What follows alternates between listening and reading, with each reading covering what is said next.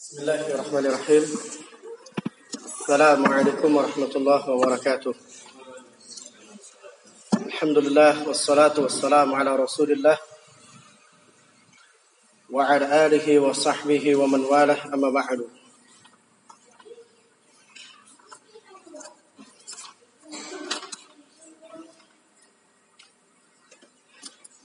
Saudaraku kaum muslimin, jamaah salat maghrib, yang semoga Allah Subhanahu wa taala merahmati kita sekalian. Qala al-Imam An-Nawawi rahimahullah taala amma ba'du. Faqad qala Allah taala wa ma khalaqtul jinna wal insa illa liya'budun. Ma uridu min rizqin wa ma uridu an yut'imun. Di dalam surat Ad-Dariyat ayat 56 sampai 57 yang artinya Wa ma jinna wal insa illa liya'budun. Tidaklah aku menciptakan jin dan manusia kecuali agar mereka beribadah kepadaku. Ma uridu minhum min rizqin dan saya tidak menghendaki kepada mereka rizq. Rezeki dari mereka wa ma uridu ayyut'imun. Dan saya tidak menghendaki dari mereka untuk memberikan makan. Ini menunjukkan bahwa yang membutuhkan rezeki adalah kita. Yang membutuhkan makan adalah kita. Sehingga ibadah adalah yarji maslahatuhu lil ibad. Ketika seorang beribadah, kebaikannya, kemaslahatannya kembali untuk kepentingan manusia itu sendiri. Wa hadha tasrihun bi annahum khuliqu li ibadatihi Ayat ini sangat jelas sekali kata Al-Imam Nawawi rahimahullah. Sangat gamblang kata beliau. Bi annahum di mana Allah Subhanahu wa taala mengabarkan kepada kita khuliqu diciptakannya kita ibadati untuk beribadah. Fahaqqu alaina al-i'tinau bima khuliqu. Maka kewajiban bagi setiap kita kata beliau Al-Imam Nawawi rahimahullah Kewajiban bagi setiap kita adalah al-i'tina. Memberikan perhatian khusus, memberikan konsentrasi khusus. Ya. Bima khuliqulah. Tentang apa tujuan Allah Subhanahu wa taala menciptakan kita. Ya, jadi bagaimana gerak kita, langkah kaki kita dan apa yang kita lakukan bimakna ibadah. Terkandung di dalamnya ibadah. Ini bentuk al-i'tina. Perhatian kita terhadap hikmah diciptakannya kita barakallahu fikum. Wal i'radu an khututid dunya bizahadah. Dan hendaklah seseorang berusaha untuk berpaling dan menghindari an khututid dunya dari kejelekan-kejelekan dunia yang memalingkan seseorang dari tujuan dia diciptakan barakallahu fikum. Kata beliau, ini memberikan isyarat banyaknya seorang lupa dengan dirinya. Banyak seorang lupa dengan apa tujuan Allah Subhanahu wa taala menciptakan dirinya karena al-ghamud fi khututi dunya. Al-ghamud berdalam-dalam ya kemudian berlebihan, kemudian barakallahu fikum tenggelam dalam perangkap-perangkap dunia barakallahu fikum. Ya. Dengan apa supaya kita ini terhindar dari perangkap-perangkap dunia? Bizahadah. Dengan zuhud. Zuhud sudah kita tak tahu ya maknanya. Apa itu zuhud mas? Ke mana Mufarik? Zuhud.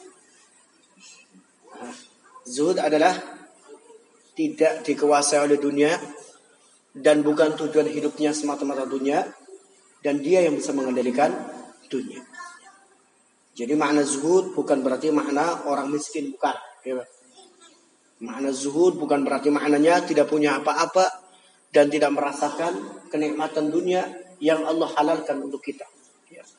Tapi makna zuhud adalah jangan sampai tujuan kita ya hanya semata-mata mencari dunia. Sebagaimana doa yang kita dengar Allahumma la taj'al akbar himmatina fid dunya.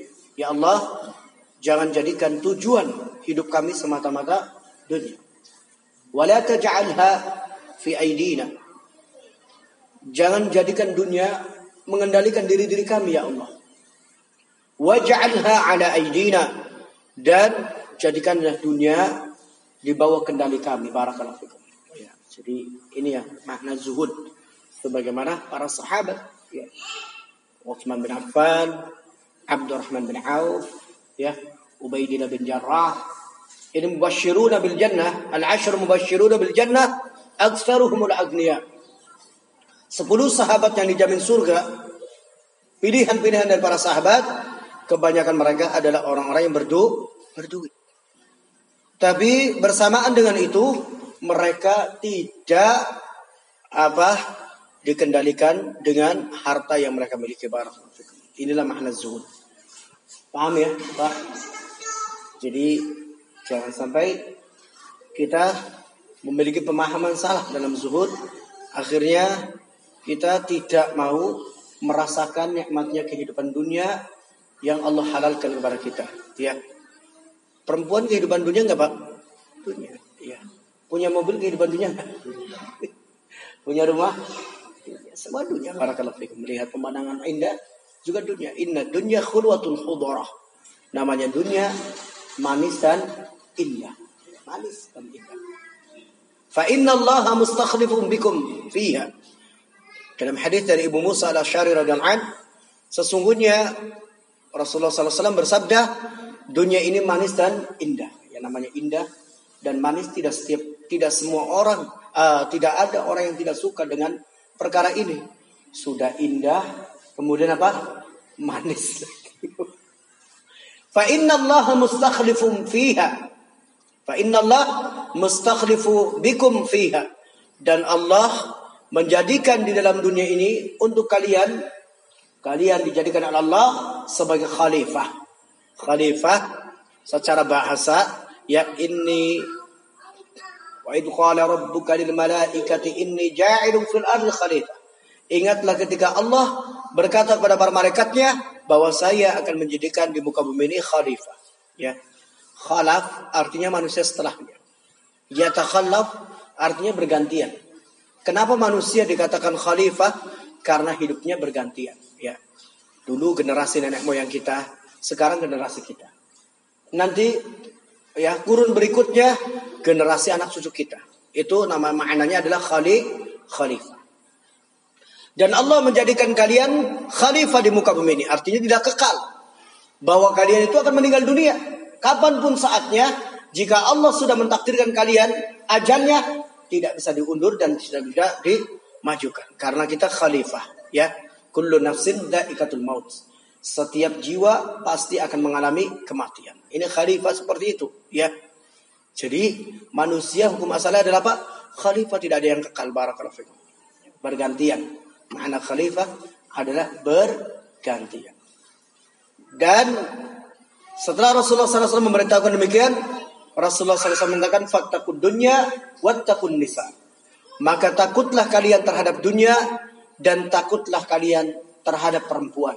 Fa inna awwala fitnati bani Israel kanat fin nisa.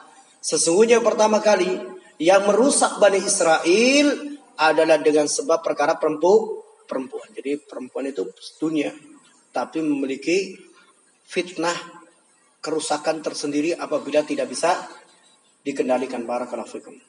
Bahkan Rasulullah SAW menyatakan dari hadis Usama bin Zaid radhiyallahu anhu dikeluarkan Imam Muslim, kata beliau, "Ma taraktu fitnatan ba'di hiya adarru 'ala rijal illa minan nisa."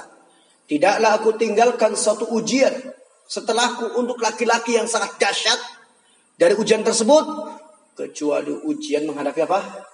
perempuan. Ya. Barakallahu. Sehingga mudah-mudahan kita berdoa kepada Allah istri-istri kita adalah istri-istri yang salehah. Amin. Ya Pak ya. Karena ketika kita punya istri yang salehah, insya Allah agama kita semakin kuat. Pak ya. Jadi dunia mata wa khairu mata'iha al mar'atu salihah. Dunia adalah kesenangan, sebaik-baik kesenangan yang dimiliki oleh Bani Adam apabila memiliki istri yang. Barakallahu Itu setiap kita insya Allah ya.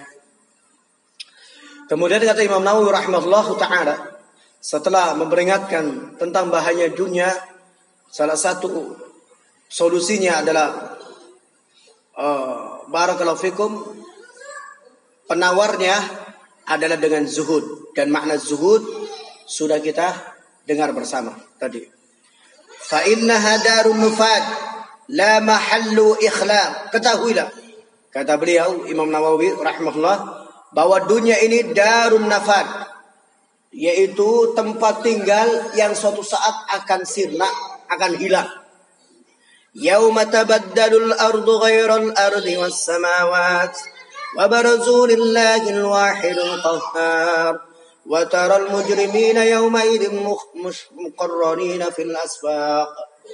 Kata Allah Subhanahu wa taala di suatu hari nanti ketika bumi dunia ini akan diganti dengan bumi yang lain dan juga langit diganti dengan langit yang lain. Wa taral mujrimina yawma idin fiqina fil aswad. Maka kamu lihat pada hari itu ketika bumi diganti, langit diganti, sudah tidak lagi ada dunia yang kita rasakan sekarang ini, ya. Maka kamu saksikan bagaimana para pendosa saat itu musyfiqina fil aswad. Dalam keadaan merunduk dan kehinaan dan kerendahan karena ulah perbuatan mereka Jadi kata beliau fa innaha darun nafad la mahallu ikhlas bahwa dunia adalah tempat tinggal yang akan sirna dan tidak mungkin kekal. Barakallahu. Jadi karena kita hidup dunia dan tidak mungkin kita kelak. Wa marqubun ubur la manzilu hubur. Dunia ini adalah kendaraan ya, fasilitas yang kita gunakan untuk melewati suatu perjalanan yang sangat jauh. La manzilu hubur bukan tempat tinggal yang sebenarnya. Para kata Imam Nawawi, ad-dunya markabun ubur. Dunia itu adalah kendaraan yang kita naiki. Ya. Para fikum. Kita mau ke Semarang, ya. Kita mau ke Semarang, butuh kendaraan. Kita mau perjalanan ke akhirat, butuh kendaraan. Apa itu kendaraannya? Adalah dun dunia. Barakallahu fikum. La manzilu hubur. Bukan tempat tinggal yang kekal. Barakallahu fikum. Wa masyru'un infas. Dan perjalanan yang akan ada akhirnya dunia ini. Cerita, cerita, cerita, cerita. Dulu favorit ya. Dulu favorit adalah pedagang air mineral, kemudian safira dan seterusnya. Setelah itu sel selesai ceritanya. Masyru'an infas. Hanya sekedar cerita. Orangnya mana? Sudah nggak ada. Misalkan ini. Atau si fulan dan sebagainya. La mautu'an dawam. Bukan tempat tinggal yang selama-lamanya. Falihada. Oleh karena itu kanal ayqadat min ahliha humul ubbad. Oleh karena itu kata Imam Nawawi, manusia yang paling cerdas, manusia yang paling jenius Hidup dunia ini adalah siapa mereka? Min ahliha ahlul humul ubad. Mereka adalah orang-orang ahli ibadah. Jadi kata Imam Nawawi rahimahullah, "Falihada kana al-ayqadu min ahliha humul ibad." Manusia yang paling cerdas di dunia ini, manusia yang paling pintar, yang paling jenius, kata beliau, adalah humul ibad, orang yang ahli ibadah. Ini ini kata beliau Al-Imam Nawawi. Jadi kalau kita sergap ibadah, kalau kita senang taat kepada Allah, insya Allah taala mudah-mudahan kita bagian dari orang-orang yang cer cerdas dari umat Rasulullah SAW. Amin. Wa aqalun nasi fiha. Dan manusia yang paling berakal di antara sekian manusia yang di dunia ini adalah humuz zuhad. Orang yang zuh, zuhud. Jadi sebetulnya Barakallahu fikum ya. Kita bisa merabah ya. Mana orang yang hidupnya adem, mana orang yang hidupnya panas. Itu kita bisa merabah ya. Dengan apa? Dengan panca indera hati kita. Barakallahu fikum. Ya. Makanya Ketika Rasulullah Sallallahu Alaihi Wasallam ditanya kepada sahabatnya, ya Rasulullah, kalau seandainya tidak ada dalil dari Al-Quran dan juga tidak ada dalil dari ucapan engkau ya Rasulullah, apa yang harus aku lakukan? Istafti qalbak. Bertanya kepada hatimu. Barakallahu. Ya. Bertanya kalau seorang ahli ibadah, ahli taat kepada Allah, kata Syekhul Islam Taimiyah, dia memiliki kepekaan yang dahsyat dalam hatinya, ya. Makanya dalam aturan ini hukum asalnya memang ini bisa dibenarkan, ya. Kalau ada kiai, ustadz memberikan nasihat, ya hukum asalnya dijalankan dan jangan dibantah. Ini hukum asalnya, ya. Sampai-sampai ada yang berlebihan mengatakan kalau dibantah dan menjawab dan tidak nurutnya, mbok kena welak. Mbok kenapa? Welak kena sih. Artinya mereka-mereka barakallahu fikum, ustaz-ustaz tersebut yang taat kepada Allah, yang ikhlas kepada Allah, yang ahli ibadah kepada Allah, begitu mengucapkan kalimat-kalimat itu dari kebenaran, ya, membimbing dengan rasa kasih sayang. Apabila orang kemudian membantahnya, menolaknya, biasanya karena menuruti naf, nafsu. Betul Pak? Para kalau ustadznya memang dia ikhlas, ahli ibadah, taat kepada Allah Subhanahu wa taala dan mengedepankan kepentingan Allah Subhanahu wa taala, maka di saat memberikan nasihat-nasihat itu sepantasnya untuk ngalap berkah dan supaya selamat dunia dan akhirat adalah barakallahu fikum dijalankan. Ya. Walaupun kadang-kadang kita tidak tahu apa sih maksudnya. Tapi kalau ustadznya kemudian mengeluarkan dalil, mengeluarkan hujah, mengeluarkan pengalaman hidupnya dan sebagainya, sebagainya dikait-kaitkan dengan Al-Quran dan Sunnah, maka orang-orang yang membutuhkan bimbingan, barakallahu fikum. Ya sudah, kita husnul husnudon barakallahu fikum. Wa aqalun nasi fiha humuz zuhad. Manusia yang paling berakal di dunia ini adalah orang yang zuhud. Dengan makna tadi apa ya? Zuhudnya. Qala Allah Ta'ala, Allah berfirman di dalam surat Al-Hadid, "Innama mathalul hayat" oh, di dalam surat Al-Kahfi, maaf. "Innama mathalul hayatid dunya kama in anzalnahu minas sama' فاختلط به نبات الأرض مما يأكل الناس والأنعام حتى إذا أخذت الأرض زخرفها وزينت وظن أهلها أنهم قادرون عليها أتاها أمرنا ليلا ونهارا فجعلناه حسيبا كأن لم تغنى بالعمس كذلك نفصل الآيات لقوم يتفكرون. ما شاء الله. Maaf. Di dalam surat Yunus ayat yang ke 3, uh, 24 ini bagus sekali Pak ya.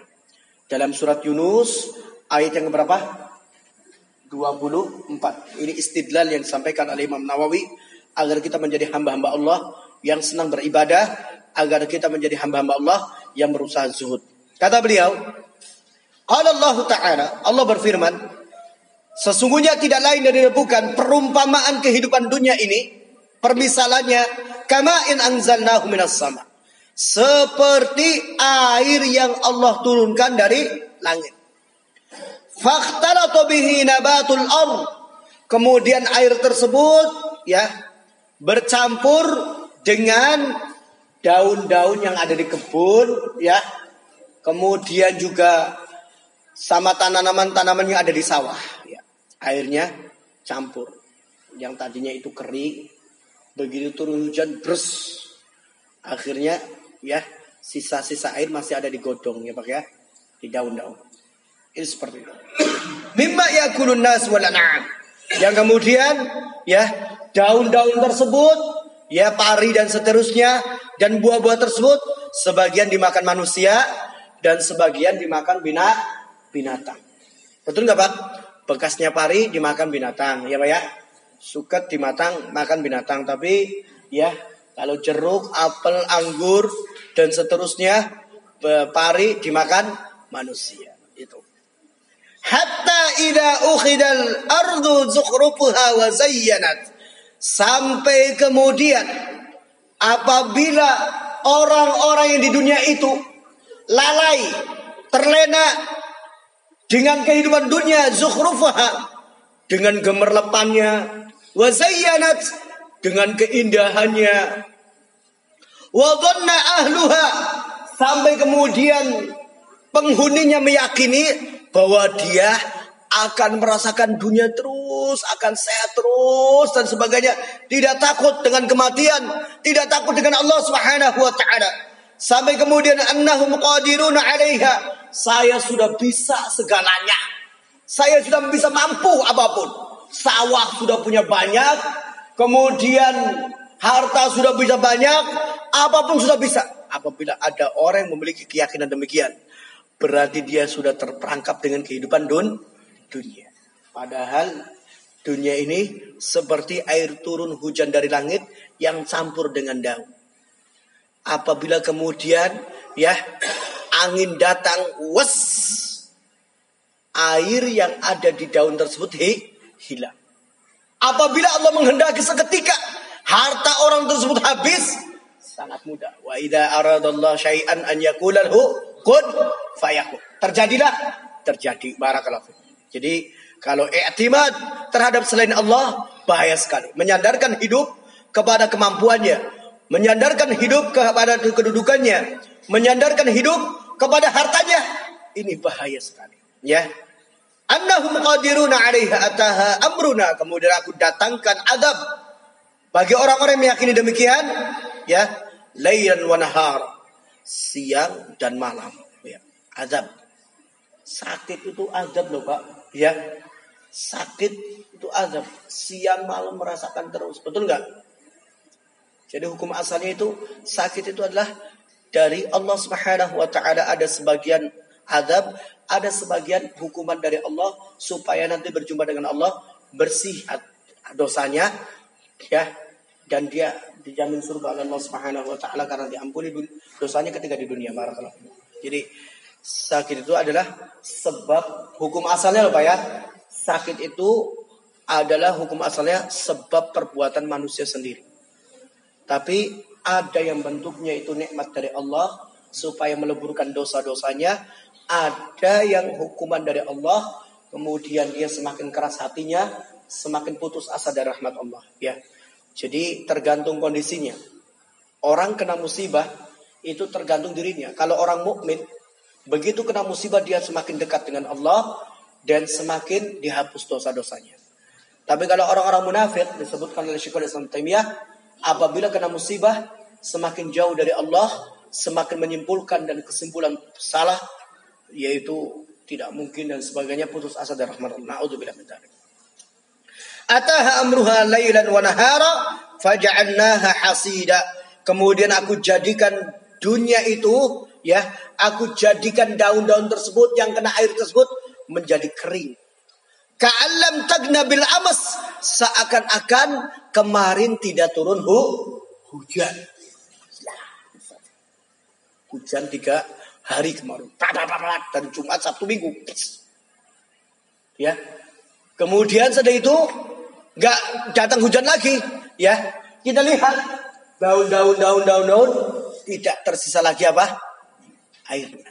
Dan seakan-akan kemarin sudah tidak hu, hujan karena tidak ada bekasnya. Itulah dunia. Ya. Begitu diambil oleh Allah Subhanahu wa taala sudah tidak ada apa bekasnya lagi. Barakallahu fikum. Ka'alam takbila bil amr. Kadzalika nufassilul ayati liqaumi yatafakkarun. Demikianlah kami terangkan ayat-ayat Allah Subhanahu wa taala agar mereka kaum-kaum yang bertakwa pada Allah senantiasa berfikir ya tentang kehidupan dunia ini. Wal ayatu fi hadzal ma'na katsiratun jiddan. Ayat-ayat dalam Al-Qur'an yang semakna dengan ini sangat banyak sekali. Ya dalam surat Al-Kahfi, dalam surat Muhammad, ya dalam surat Al-Hadid banyak sekali ya, ya. Ayat-ayat yang menerangkan tentang ya hendaklah kita bisa mengendalikan tentang kehidupan dunia ini. Jangan sampai kita terjebak barakallahu fikum. Walakad ahsan al-qail. Sungguh sangat bagus sekali. Sang penyair ketika mengatakan. Inna lillahi ibadan futana. Tallaqu dunya wa khaful fitana. Nadaru fiha falamma alimu annaha laysa li'ayyin watana. Ja'aluha lujjatan wattakhulu salihal a'mali fiha supuna. Ini syair yang masya Allah, Pak. Artinya bagus sekali. Inna lillahi ibadan fatana. Sesungguhnya di muka bumi ini ada hamba-hamba Allah yang sangat cerdas mereka. Allah Subhanahu wa taala memiliki manusia-manusia yang cerdas di muka bumi ini. Siapa mereka? Talaqad dunya wa khaful fitana. Mencerai dunia ya, berpisah dengan dunia karena takut fitnahnya. Karena apa, Pak? Takut fitnahnya. Nadaru fiha. Kemudian membahas ulang. Ya, membahas ulang. Direm dulu. Setelah itu apa, Pak? Membahas ulang nadara. Nadara ini kalau pakai ila artinya melihat. Ya. Kalau tidak ada pakai-pakainya nadara artinya menunggu. Ya. Kalau pakai fi itu artinya membahas. Kalau membahas Arab ya. Kalimatnya sama-sama nadara. Na ro. Kalau depannya ila artinya apa? Melihat. Nazar tu ila, aku melihat itu. Maksud melihat dengan seksama. Makanya kalau ada seorang ikhwat mau menikah, nazar. Ya. Lihat dulu. Ya. Nazaru ila. Tapi itu menggunakannya. Ya. Tapi kalau nazaru fi, artinya membahas. Meneliti. Ya. Oh, artinya mempelajari dulu para fikum. Tapi kalau nazar tuh artinya apa? Nggak ada ilah, nggak ada filo. Artinya apa? Menunggu. Ya. Ini bahasa Arab seperti itu. Lah ini makanya kadang-kadang kalau orang mau menyampaikan din, kemudian unsewunya bahasa Arabnya kurang dalam, ini kemudian ketemu sama orang-orang yang memang bahasa Arabnya sudah dalam, ini biasanya banyak yang diintikad, yang dikritik ya soal penerjemahan penerjemahan. Nah dalam syair ini nadoru fiha, nadoru depannya fi. Nadoru fiha ketika mereka membahas ulang, tadinya mencerai dunia kemudian membahas ulang. Alimu mengetahui annaha laisat li ayyin wa Ternyata dunia ini bukan tempat tinggal yang sesungguhnya. Ja'aluha lujjatan. Kemudian mereka menjadikan dunia sebagai apa? Samudra lautan. Dunia ini seperti apa, Pak? Samudra lautan. Salihal a'mali fiha sufuna. Ketika mereka mengetahui bahwa dunia ini ada laut, ya samudra atau danau dan seterusnya barakallahu fikum, mereka menjadikan amal saleh yang mereka lakukan sebagai perahunya. Punya harta disodakokan dalam rangka naik perah, perahu. Sholat lima waktu amal soleh dalam rangka naik perah, perahu. Kita bisa, ini Masya Allah ya. Perumpamaan-perumpamaan dalam syariat ini perumpamaan yang sangat realita dan gampang dipahami. Seseorang ya melewati laut tidak menggunakan perahu berapa langkah saja ya kekuatan berenang mungkin hanya seperempat jam ya Pak ya langsung tenggelam jadi ada orang-orang hidup di dunia ini tidak beramal saleh tidak beribadah kepada Allah Subhanahu wa taala dengan ikhlas orang-orang seperti itu biasanya gampang terhasut dan tenggelam dalam dun dunia. Ya, gampang sekali. Ya. Sehingga kalau lihat kehidupan orang umum yang tidak ibadah, yang namanya bohong, yang namanya dusta, tidak ada pengaruh dalam hatinya sama sekali. Gak meyakini bahwa itu adalah do, dosa. Bagi saya yang pernah hidup di lapangan, bagi ya, Ya, berapa tadi belinya? Nih, 15 ribu. Ternyata cuma 10 ribu. Dan itu tidak ada reaksi sama sekali. Karena apa? Sudah tenggel, tenggelam terhadap kehidupan dunia karena salah sendiri dia tidak menaiki prah perahu dalam artian tidak beramal saleh. Mudah-mudahan kita semua istiqomah terus beramal saleh sampai kemudian kita melewati bahtera eh, melewati samudra tersebut sampai tujuan kita ke akhirat. Iya Pak ya? Amin. Fa idza kana haluha ma wasaftuhu وحالنا ما خلقنا له ما قدمته فحق على المكلف أن يذهب بنفس مذهب الأخبار. Kemudian kata Imam Nawawi rahimahullahu taala, apabila panjenengan semua sudah paham bagaimana dunia itu sifatnya dan keadaannya dan panjenengan juga sudah mengerti bagaimana kita keadaannya diciptakan di dunia ini. Apa yang harus kita berikan ketika kita hidup dunia ini? Fahaqqa 'alal mukallif. Maka kewajiban bagi setiap muslim an nafsihi menuruti dirinya ya keadaan dirinya mengikuti madhabal akhbar akhyar mengikuti jalannya orang-orang yang sah saleh kata beliau apabila orang itu sudah tahu dunia keadaannya dan sifatnya dan jika dia tahu kadar dirinya bahwa dirinya itu diciptakan demikian apa yang harus dipersiapkan maka kewajiban setiap muslim menjadikan dirinya untuk mengikuti apa madhabal akhyar orang-orang soleh yang sudah meninggal dahulu barakallahu fikum. Makmum aja, Pak. Makmum selamat, Pak ya. Kata Abdullah bin Mas'ud radhiyallahu anhu, "Ittabi'u wa la tabtadi'u faqad kufitum." Ngikut saja. Jangan banyak tanya atau membuat perkara-perkara yang lain. Niscaya kalian akan selamat. Kata siapa? Abdullah bin Mas'ud. Ya. Panjenengan kalau belajar bahasa Arab, banyak tanya, ngarang-ngarang dewek, malah banyak salah. Ya, tapi begitu belajar bahasa Arab ikut saja apa yang disampaikan oleh ustadznya, catat, dipahami. Akhirnya selamat. Tertarik. Kaidah belajar kan seperti itu ya, Pak ya.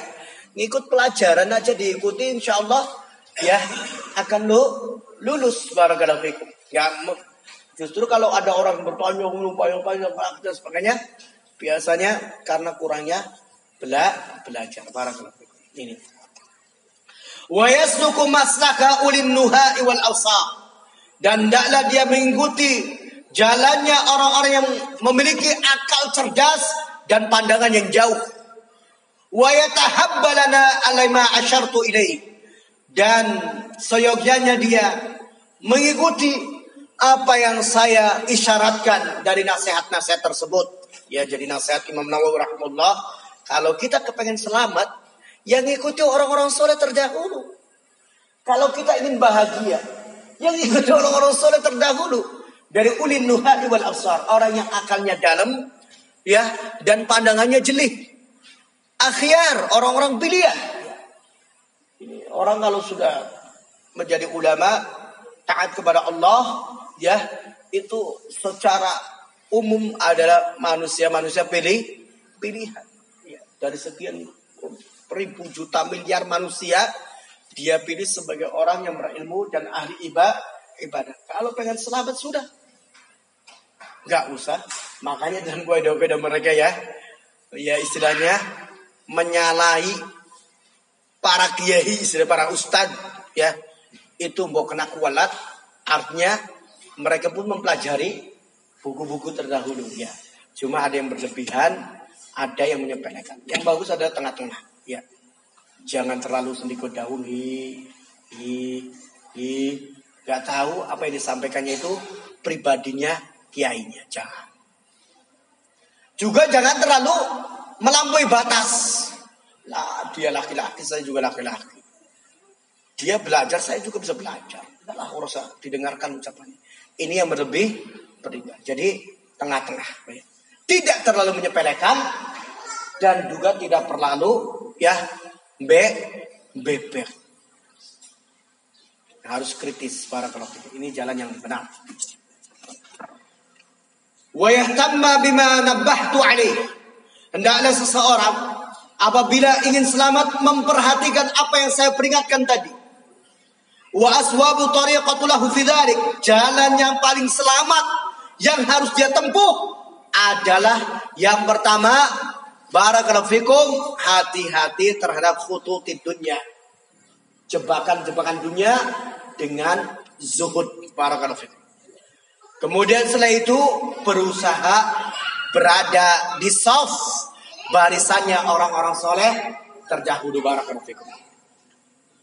Wa arsyadu ma yasluku min masalik at-ta'addub bima sahha 'an Nabi alaihi salatu wassalam sayyidil awwalin wal akhirin. Ya. Jadi makanya Imam Nawawi rahimahullah taala beliau berpendapat mengucapkan sayyidina kalau di luar sholat itu boleh. Tidak ada larangan. Beliau mengambil sebuah hadis yang Rasulullah SAW ketika makan jamaah dengan para sahabatnya, kemudian Rasulullah SAW mengatakan, Ana sayyidun Adam, wala fakhar. Ana wa awwalu man, man fataha abwab al-jannati wala fakhar. Saya adalah sayyidnya dari manusia. Dan saya adalah orang yang pertama kali membuka pintu surga wala fakhar dan tidak ada kesombongan sama sekali para Ini contohnya. Dan saya saya sarankan dan saya nasihatkan hendaklah mereka-mereka berada di jalan jalannya orang-orang yang telah terdidik dari pendidikannya Rasulullah sallallahu alaihi wasallam. Siapa Pak? Jalannya orang-orang yang telah terdidik, yang telah terbimbing dari bimbingannya Rasulullah SAW, dari didikannya Rasulullah SAW. Siapa Pak? Jalannya siapa? Para sahabat Rasulullah SAW. Jadi ya kata beliau, wa arsyadu ma yasluku minal masalik at-ta'addub bima sahha an-nabiyina sayyidil awwalin wal akrami wal akhirin. Ya. Wa akramas sabiqin wal lahikin. Manusia yang paling mulia dulu dan yang akan datang. Salawatullah wa salamu alaih wa ala sairin nabiyyin. Semoga salawat serta salam tetap terlimpahkan kepada Nabi kita Muhammad sallallahu alaihi wasallam dan seluruh para nabi ya seluruh para nabi barakallahu fikum ya. Jadi sekedar memberitahu Nabi kita Muhammad sallallahu alaihi wasallam lahir tanggal 12 Rabiul Awal hari Senin ya. Tahun gajah tahun 571 Masehi ya. Barakallahu fikum beliau lahir uh, tumbuh besar ya dalam kondisi ibu bapaknya mening meninggal. Dan ketika beliau usia 8 tahun kakeknya juga mening meninggal. Dan beliau menikah barakallahu fikum pada usia 25 tahun. Dan beliau diangkat sebagai seorang nabi umur 40 ya. Kemudian setelah itu diangkat sebagai seorang rasul ya. Dan ajakan beliau pertama kali adalah tauhid ya. Sebagaimana nubbi abi iqra wa ursila bil mudaththir. Beliau diangkat sebagai seorang nabi turun surat Al-Alaq. Eh, benar Al-Alaq Iqra bismi rabbikal ladzi khalaq. Dan beliau kenapa turun ayat itu bukan dikatakan nabi favorit? Eh bukan dikatakan rasul. Tak minum dulu ya.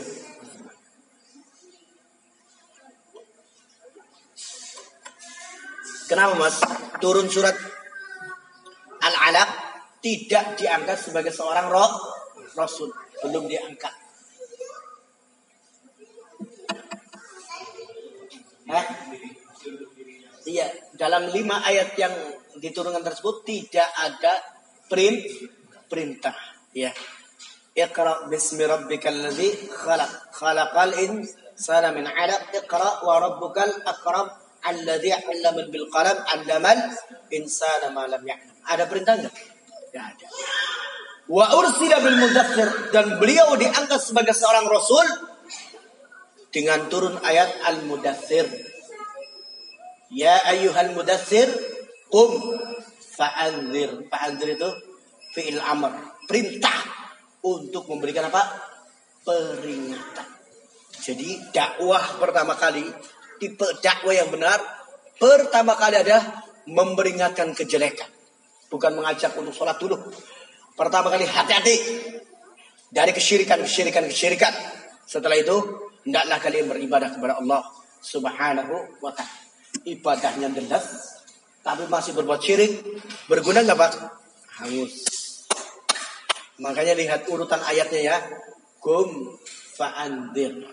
Baru warabbaka fakabbir. Dengan Robmu besarkanlah itu beribadahlah. Ya. Jadi makanya kata Rasulullah SAW ma amartuhum bi syai' fa'tu minhum ma nahaitukum anhu an syai'in fajtanibu Wa ma amartuhum bisyai' fa'tu minhum mastata'tum. Apa yang saya larang kepada kalian sesuatu, usahakan kalian jauhi dengan kemampuan kalian. Usahakan dengan semua. Wa ma amartuhu bihi fa'tu minhum mastata'tum. Adapun kalau ada perintah, kerjakan sesuai dengan apa? Kemampuannya. Barakallahu fikum. Ya. Jadi kalau larangan usaha untuk dihindari. Nah, kalau perintah diikat dengan kemampuannya. Barakallahu Demikian yang dapat saya sampaikan ya. Ini mukaddimah dalam kitab Riyadus Salihin. Ya. Jadi kalau panjenengan baca kitab Riyadus Salihin, isinya apa Pak? Isinya adalah mengikuti jalannya orang saleh dan hati-hati dari khututut dunia. Tarikan-tarikan dun dunia. Ya, jadi membaca mukaddimahnya tok sudah ah mencakup isi dari kitab apa? Riyadhus Soleh. Jadi panjenengan kalau baca buku mesti intisari buku tersebut di, dia berada di mana? Di mukaddimahnya, ya. Jadi garis besarnya jenengan sudah tahu isi kitab Riyadu Solehin, ya. Kita perlu Solehin, ya. Jadi isi kitab Riyadu Solehin tadi apa Pak? Menghindari kejebakan dunia, dan dengan zuhud. Yang kedua berusaha mengikuti jalannya orang-orang soleh sebelum kita. Dan ini akan selamat dunia. Pak. Sebelum saya tutup, barangkali ada pertanyaan. Kita akhiri Pak ya. Insyaallah taala. سبحانك اللهم وبحمدك أشهد أن لا إله إلا أنت أستغفرك وأتوب إليك. السلام عليكم ورحمة الله وبركاته.